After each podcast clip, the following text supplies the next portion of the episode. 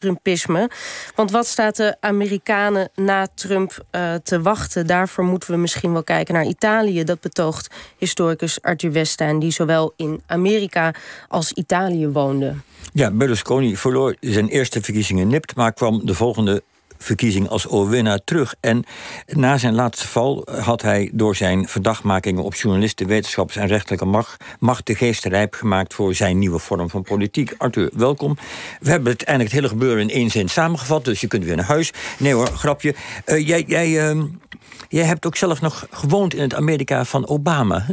Uh, ja, in, uh, inmiddels 2008, zo een tijdje geleden, toen Obama opkwam. Toen iedereen dacht, inclusief ikzelf, oh, dit wordt uh, de, de, de nieuwe redder van de Verenigde Staten. Wat hij ook een tijdje leek te zijn natuurlijk. En, en hij, hij leek de toekomst te belichamen van de VS. Maar acht jaar later, toen Trump werd verkozen. En nu helemaal, na vier jaar Trump, kunnen we wel zeggen dat waarschijnlijk Obama een soort van tussenpauze is geweest. En dat de echte toekomst van de VS vooral in, in die Trumpiaanse kringen moet worden uh, gezocht. En uh, grappig genoeg, in 2008, toen ik dus in Amerika woonde, werd ook inderdaad Berlusconi toen al voor de tweede keer herkozen. Berlusconi heeft natuurlijk het een comeback kid geweest, die keer op keer verkiezingen verloor, maar dan toch weer terugkwam. En ook daarom zou je wel kunnen zeggen dat uh, Italië en Berlusconi specifiek een soort van spiegel aanreikt voor, voor Trumpiaans Amerika. Ja, en uh, waar, waar moeten we dat zoeken? Zit dat in het karakter van de leiders of zit het in de soort beweging die zich naar hen voegt en die ze oproepen? Ik denk allebei. Dus wat je ziet, uh, Trump en, en Berlusconi is ook al vaak gezegd, die lijken heel erg op elkaar. Het zijn allebei zakenmannen die met een beetje een dubieuze levenswandel de politiek betreden. Eigenlijk zonder duidelijk partijkader of een heel specifiek ideologisch programma, maar puur op, hun, op basis van hun eigen persoonlijkheid erin slagen om hele grote kiezers aan te spreken. Ook echt best, best wel op een rare manier, want het zijn allebei niet hele charismatische mensen, maar toch blijken ze er heel goed in staat te zijn om al die massa's op te zwepen.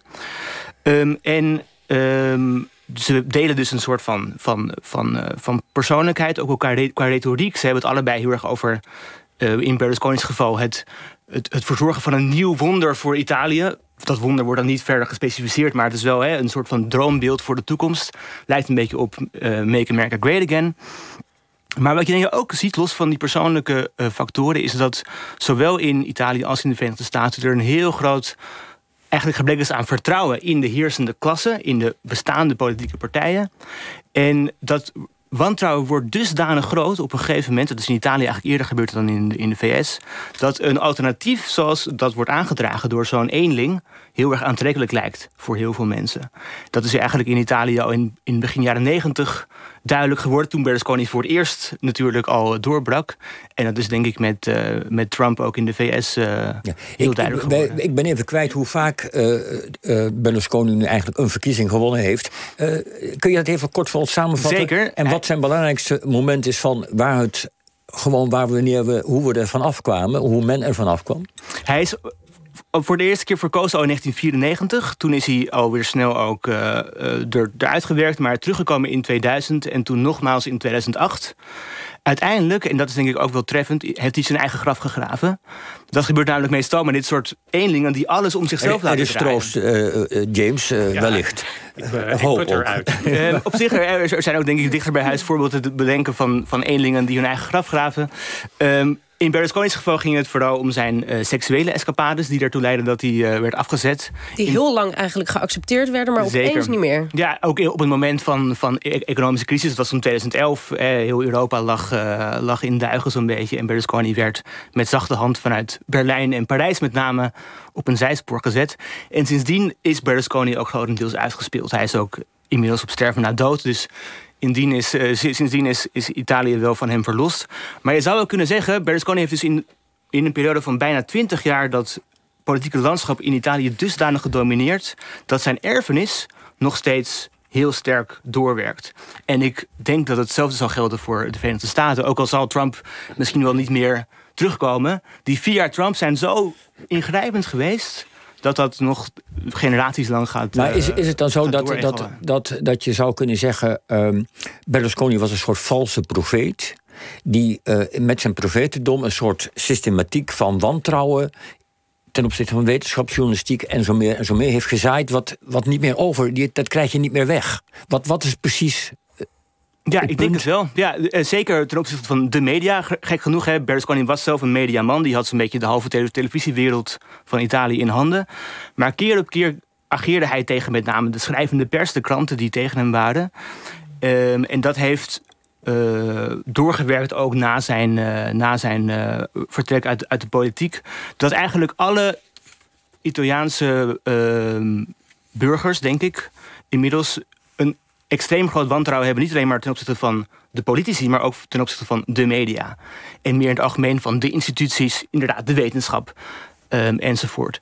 En het beste voorbeeld daarvan is wat er gebeurd is na Berlusconi... met de opkomst van eigenlijk een je zou kunnen zeggen, een soort van nieuw model dat nog sterker is geworden dan Berlusconi's wantrouwen. Namelijk het model dat wordt gerepresenteerd door de Vijfsterrenbeweging. Daar gaat de hoop weer, James Kennedy. inderdaad, helaas. Wat is de Vijfsterrenbeweging? Ehm, het, ene sprankje hoop van Berlusconi verdwijnt, maar daar komt iets anders voor in de plaats. En het zou mij niets verbazen als iets vergelijkbaars ook in de VS zou gaan gebeuren. Want wat is die Vijfsterrenbeweging? Ja, eigenlijk een heel, een heel merkwaardig uh, fenomeen, maar een, een beweging die, uh, die opkwam precies in de jaren dat he, Obama werd verkozen en iedereen dacht, oh, uh, allemaal prachtig. In Italië kreeg je toen Beppe Grillo, een, een tv-komiek, die eigenlijk zichzelf zich keerde tegen zowel Berlusconi als tegen de andere, laat zeggen, bestaande partijen.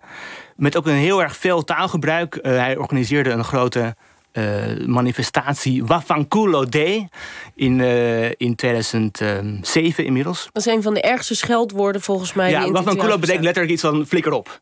En um, dat was dus de flikker op dag. Gigantische demonstratie. Uh, ja, en alles wat macht had moest weg. Precies. Zowel okay. Berlusconi als de, als de, de, de, de centrum-linkse partijen. En um, hij, uh, uh, Guido noemde, had, had bijvoorbeeld over Berlusconi als de idiote dwerg. Hij noemde nooit zijn naam, maar he, een soort van, van vrij, laten zeggen, basaal taalgebruik werd gemeengoed. Um, maar ook zonder een heel duidelijk programma. Grillo die was in eerste instantie groot geworden met thema's zoals milieu en openbaar vervoer. Daar kwam later nog anti-EU-retoriek bij en anti-migratieretoriek. Een soort van mix ontstond er, zowel links als rechts. Allemaal gegrondvest op het idee... wij gaan de spelregels van het politieke gebeuren helemaal anders doen. Namelijk niet meer met al het gedoe met het parlement en zo... en, en partijcongressen, maar directe democratie via internet. Um, los van de normale media, dus die tv werd door Berlusconi gedomineerd. Dat moeten we niet hebben. De, de, de, de, schrijvende media kunnen we ook niet vertrouwen, heeft Berlusconi laten zien. Maar we gebruiken internet, dat is namelijk direct van één op één tussen de, tussen de stemmers en de, en de beweging. En daar zit natuurlijk ook ontzettend veel potentieel. Ik denk ook in Amerika. Want je ziet ook nu met, um, met de, de, de laten zeggen, strubbelingen die Trump ervaart, omdat hij gecontroleerd wordt door Twitter. Dat als je je eigen media als partij, laten zeggen, creëert en dus een platform hebt waar je direct je stemmers kunt bereiken, dan heb je Twitter en Facebook niet meer nodig. En dat heeft de Vijf Sterrenbeweging eigenlijk als eerste laten zien en heeft ze ook groot gemaakt, want inmiddels is de Vijf Sterrenbeweging al drie jaar lang de regerende partij in Italië. Dus, dus kort samengevat, na Trump kan er zomaar een extremere vorm van Trump komen die nog onsamenhangender is en nog antipolitieker dan Trump. James, uh, fijn vooruitzicht? Nou, dat niet. Um, maar is het waarschijnlijk? Is het waarschijnlijk? Hoe kijk jij uh, nou, een van de vragen is natuurlijk dat we echt niet weten in welke mate uh, Trump zelf in staat zou zijn of zijn volgelingen om een nieuwe medium imperium of uh, nieuwe media-invloed uit te oefenen. Uh, dat is gewoon, hij is in die zin, in welke mate heeft hij wel de organisatie en ook wel het vermogen om dat te doen, weten we niet. Maar dat je te maken hebt met een sentiment die dan versplintert en dan overal wel te zien is en overal invloed heeft, dat ligt wel voor de hand. Dus je eigenlijk dus niet zozeer het weggaan van uh, Trump, maar als de vers versplintering uh, van zijn denkbeelden en, uh, door tal van verschillende mensen die dan niet dezelfde invloed zullen hebben op Trump als, als het gaat aan hoofd van de macht, maar wel aanzienlijk invloed zullen uitoefenen over een zeer groot deel van de bevolking. Ja, en er kan dus ook zomaar in Amerika een nieuwe soort komiek opstaan, bij wijze van spreken, die het gaat oppakken de erfenis van Trump. Ja, en je zou dus ook kunnen verwachten dat het misschien wel een beetje juist meer ter linkerzijde gaat gebeuren. Want laten we wel wezen, Joe Biden zal niet echt de, de, degene zijn die het, die het uh, uh, hele politieke landschap gaat, gaat kunnen veranderen. Hij is zo denk ik ook wel een beetje te oud daarvoor. En ik denk dat je juist ook binnen die linkse democratische kringen heel veel um, nieuwe ontwikkelingen zal, zal, zal gaan zien. En die ten dele misschien ook wel gaan proberen om die gigantische massa van verwezen Trump-stemmers aan te boren. Die natuurlijk ook ten dele uit de vroegere democratische regionen komen. Maar als we nog even doortrekken, want de Vijf Sterrenbeweging, uh, hoe, hoe staan die er nu voor? De, de Italiaanse regering is gevallen twee dagen geleden. Het gaat niet lekker in de peilingen. Dus ze blazen zichzelf misschien nu ook wel op. Ja, dat is inderdaad het, hetgene wat je ziet. Uh, als het zo'n beweging die eigenlijk anti-establishment is, zelf het establishment wordt dan is het heel moeilijk om die, uh, om, die, uh, om die lijn vast te houden, als het ware. Dus in wezen zie je inmiddels inderdaad in Italië alweer het, het failliet van dat, dat model. Van die, die, belofte van directe democratie die is ook bijna niet waar te maken. Dus in die zin zou je kunnen zeggen, Italië is alweer een stapje verder. Daar zitten ze nu alweer inderdaad met angstige ogen te kijken wat er na de vijfsterrenbeweging gaat komen voor alternatief. En in Italië is natuurlijk de politiek altijd een, uh, een, een betrekkelijk zooitje. Dat is ook afgelopen week weer gebleken. Dus uh, dat, dat, is, dat is denk ik nog moeilijker te voorspellen dan, dan wat er in, uh, in Amerika gaat gebeuren. Maar wat je denk ik wel kunt zeggen is dat in Italië heel duidelijk werd dat na Berlusconi... Um, laat zich het institutionele kader dusdanig was ondermijnd geraakt... dat alles mogelijk werd. En dat je dus op allemaal verschillende manieren die niemand voor mogelijk hield nieuwe initiatieven zag, op, zag boven. Ja, en, en, dat soort niemandsland dreigt ook in Amerika nu uh, het, het, de werkelijkheid te worden. Ik dat denk het wel, ja. Ik denk dus ook, ja, Joe Biden, lieve man, maar uh, ik denk niet dat hij in staat zal zijn om dat hielen wat hij zo, uh, zo graag wil, om dat te bereiken. En ook daar is een goede vergelijking voor in Italië toen Berlusconi die verkiezingen in 2006 verloor. Toen kwam er een man voor hem de plaats, Romano Prodi, misschien nog wel bekend. Ook zo'n beetje lieve, bedaarde uh, man op leeftijd. Die binnen twee jaar uh, de, uh, niet in staat bleek om echt verandering te brengen. En toen kwam Berlusconi dus weer terug. Dus dat zou nog kunnen, hè, dat Trump over vier jaar toch weer aan de deur klopt. Je hebt een, een, een, een, palet aan heerlijke, verontrustende scenario's ons voorgeschoten. Dank je wel ervoor. Goed, hartelijk dank Arthur Westijn.